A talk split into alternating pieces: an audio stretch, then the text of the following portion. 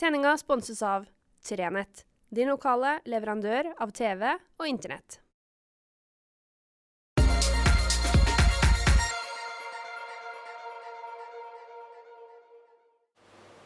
Riktig god fredag. Det er rart med det når de basale tingene, de helt elementære tingene, må kompliseres. For oss på Skjervøy nå, så må vi koke vann. Det betyr at eh, når du skal ha deg et glass med vann, så må du først koke det borti kjelen her. Og så må du forhåpentligvis la det kolne litt. Og så må du kvele deg et glass med vann ifra, ifra gryta. Og, og, og så videre og så videre. Det er for så vidt ikke et kjempestort problem. Fortsatt har vi tilgang på vann. Vi har så mye vann vi bare vil, så lenge vi bare husker å koke det. Så det er for så vidt ingen direkte fare, men det er forferdelig komplisert og ubehagelig. Og så er det alle de her ubehagelige spørsmålene om hvor lenge har det vært sånn, som dukker opp. på. Og når, hvor lenge skal det vare? Det får vi forhåpentligvis svar på snart. I dag, denne fredagen så visste ikke kommunen i Skjervøy riktig enda. Men i alle fall så er det altså funnet E. coli i prøvene eh, i Skjervøy. Og så er jo det store spørsmålet hvordan har det gått seg til? Hvordan har vi fått E. coli i drikkevannet vårt? Det kan være mange grunner. Eh, det kan være beitedyr eh, og, og, mye ekstra regn i det siste som har gjort at tilsiget har økt. Og så har, man, eh, så har nå E. coli-bakterier funnet veien ned. Vi har også funnet bilder av turister som bader i Storbukkvannet. Jeg har full forståelse for at her mannen som kom forbi Storbukkvannet en varm sommerdag, etter å ha gått sannsynligvis til en av tinnene rundt, eh, rundt der, enten det er Redotinn, eller det er Trolltinn, eller det er Kogtinn. Hvis du har gått opp der til fjellene våre en varm sommerdag, eh, så er du varm og god. Og når du da kommer ned, så ligger vannet der nydelig og fint. Og det er veldig dårlig skilta. Det har jeg fra ganske sikre kilder. At når du går langs med stien F.eks. til Kogtind så er det ikke godt skilta. Det er skilta bortatt med demninger, men ellers så er det ikke så veldig bra signalisert at det er et drikkevann. Og Det er av de tingene som vi er nødt til å ta inn over oss i denne regionen, som vi jo ønsker skal bli en turistregion. Vi håper jo at vi skal kunne tjene mer penger på turisme. Og Da må vi sørge for at de turistene som kommer til oss, og ikke minst guidene som skal ta vare på turistene, vet og er godt nok informert. Og Spørsmålet som vi prøver å rote opp i nå, i Framtid Nord, det er om turistguidene og reiselivsselskapene er godt nok informert om de forholdene som er rundt omkring i regionen. Eh, Skjervøy er ett tilfelle. Jeg har ingen tro på at E. colien som er i, i, i drikkevannet på Skjervøy, kommer av en turist som bada etter det vi vet i august. Nei, overhodet ikke. Uh, det var et eksempel på at, eh, at, vannet blir brukt til andre ting enn det det skal brukes til. Og at kommunen må gå i seg sjøl og se om man må skilte det bedre. Det er hele hovedsaken vår. Langt ifra å henge ut en reiselivsbedrift som har fått gjester hit. Eh, tvert imot. Men vi er nødt til å vise fram at det skjer. Og vi er nødt til å gjøre tiltak som sørger for at det ikke skjer.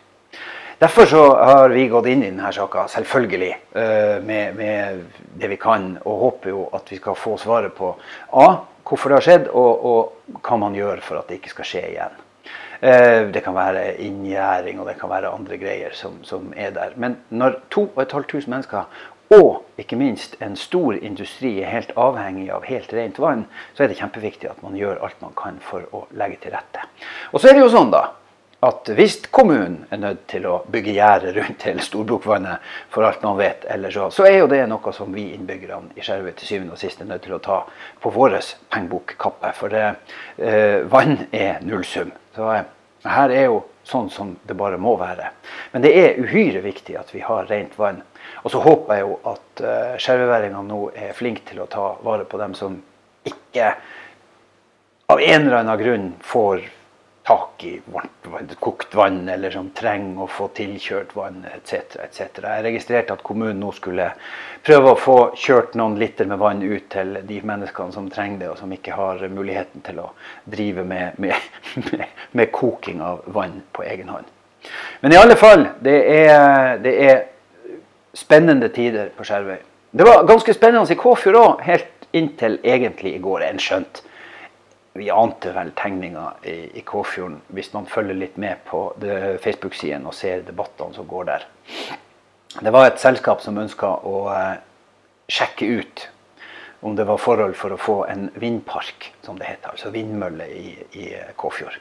Eh, og, og, de fikk litt taletid i kommunestyret. Eh, en, en, en, organisasjon som kaller seg for Motvind, og det har jeg skrøt av forrige helg. Det er et fantastisk navn når du da har, har uh, som hovedmål å stoppe vindmølleutbygging, så kaller du det motvind. Jeg vet ikke om det finnes en organisasjon som heter Medvind, da, altså, men, men, men, i alle fall, motvind var også der. Og, og de argumenterte alt de kunne for mot. Eh, I går så ble det altså klart at Kåfjord Arbeiderparti, som jo har ordføreren i kommunen, også går imot. Og med det så tror jeg at man kan skrinlegge planene om en vindmøllepark inntil videre. Men så er det da sånn at det er Olje- og energidepartementet som til syvende og sist har ordet her.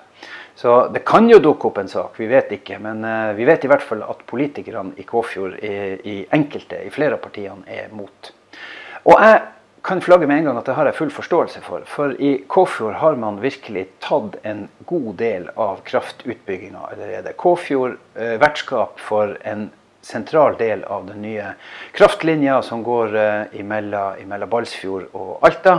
Eh, oppe på fjellene oppfor Kåfjorddalen mellom Kåfjord og Mandalen så, så går den eh, nye 220, 420 volts-linja. Og det er et ganske solid inngrep som går tvers over, over Kåfjorddalen og over, opp på fjellene. Og, og de masten er det de masten er. Og så må vi ha strøm. Eh, kanskje mer og mer strøm, men, men, i alle fall, de har tatt sin del. Og så har du utbygging av Gullars og Kåfjordelva, som har vært en, en, en, en, skikkelig øm sak i Kåfjord gjennom mange mange år. Eh, og da skulle påføre Kåfjord enda større utbygging i form av en vindmøllepark, det tror jeg ikke hadde vært klokt.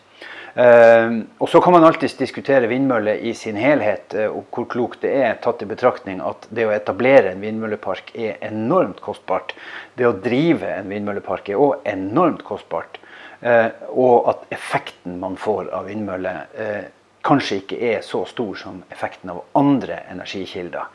Og kanskje skal man se på om man skal etablere vindmølleparker helt andre plasser enn på land. og Der har man jo begynt å drøfte, men det er en, en annen diskusjon. Men jeg støtter kåfjordingene som er mot. Eh, jeg tror ikke at Kåfjord er kommunen som skal trenge å bære vindkrafta i tillegg til de andre kraftbæringene som de tar. Eh, og så kan man si at eh, garantert, om det dukker opp et forslag om vindmøller i Nordreisa eller Storfjord eller Lyngen eller Skjervøy eller Kvænangen, så vil argumentasjonen være helt den samme. Men i forhold til Kåfjord mener i hvert fall jeg helt klart at Kåfjord er ikke kommunen som skal trenge å ha et enda større avtrykk i naturen i forhold til eh, å skape energi. Det, da får vi ta en fight i andre, noen av de andre kommunene hvis det skulle være nødvendig. Men jeg, jeg, tror, jeg tror kanskje man skal skape kraft på andre måter. Og Vindmøller har jo òg den merkelige tendensen at blir det for mye vind, så kan du ikke bruke dem. Og vi kan vel trygt si at i perioder har vi vel mye vind.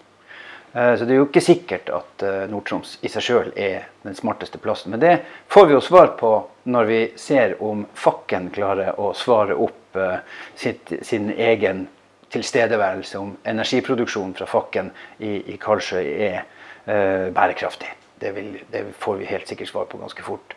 Uh, I alle fall, det er mitt syn på vindmøllepark i uh, Kåfjord. og det i hvert fall så tror jeg vel at eh, selve konsekvensutredninga fra, fra kommunens side nå er parkert. Vann og vind ja, kan vel egentlig også ta sol. Eh, men det har jeg bare tenkt å ta i form av at det er jo meldt knallvær. Da må man komme seg ut og være ute. I dag satt jeg og så, og det blåste en liten bris i busken, og enda mer løv ramla av. Skogen er helt gul. Naturen har en fantastisk fargeprakt på høsten. Det er helt unikt og klart og flott og fint å være ute. Så det er jo nydelige forhold for å nyte høsten til fulle. Oktober er over oss, og det er nydelige forhold å være ute på. Og da har jeg ei lita henstilling til folk, fordi uh, jeg var kjørende, dvs. Si jeg er veldig ofte kjørende i og med at jeg har den jobben jeg har. men Jeg kom kjørende hjem en dag opp gjennom småveiene på Skjervøy, og det er ikke alle plassene som har like god gatebelysning. Og da holdt jeg på å kjøre på noen bekjente av meg, øh, fordi de hadde altså ikke refleks. Og den var helt usynlig. Det var ikke kjangs i havet. De var nesten i støtfangeren før jeg oppdaga at det var mennesker der. Og nei, æresord, jeg kjørte ikke fort. Jeg kjørte i 30, sånn som man skal kjøre i, i, i veiene her. Eh, så, så det, handler ikke om fart, det handler rett og slett om at den var mer eller mindre usynlig. Så eh, jeg oppfordrer alle til å finne om så bare den gode, gamle refleksblikken og ha den i lomma og hive den utfor kanten. Aller best hiv på deg reflekstags og vester og hue og alt du kan, så er du så synlig som du bare kan. Og i hvert fall hvis du skal ut og gå på de store veiene våre. Da må dere være kjempeforsiktige. Kjør pent. Plutselig en dag er det is på veiene. Husk å ha på dere refleks. Og så høres vi igjen.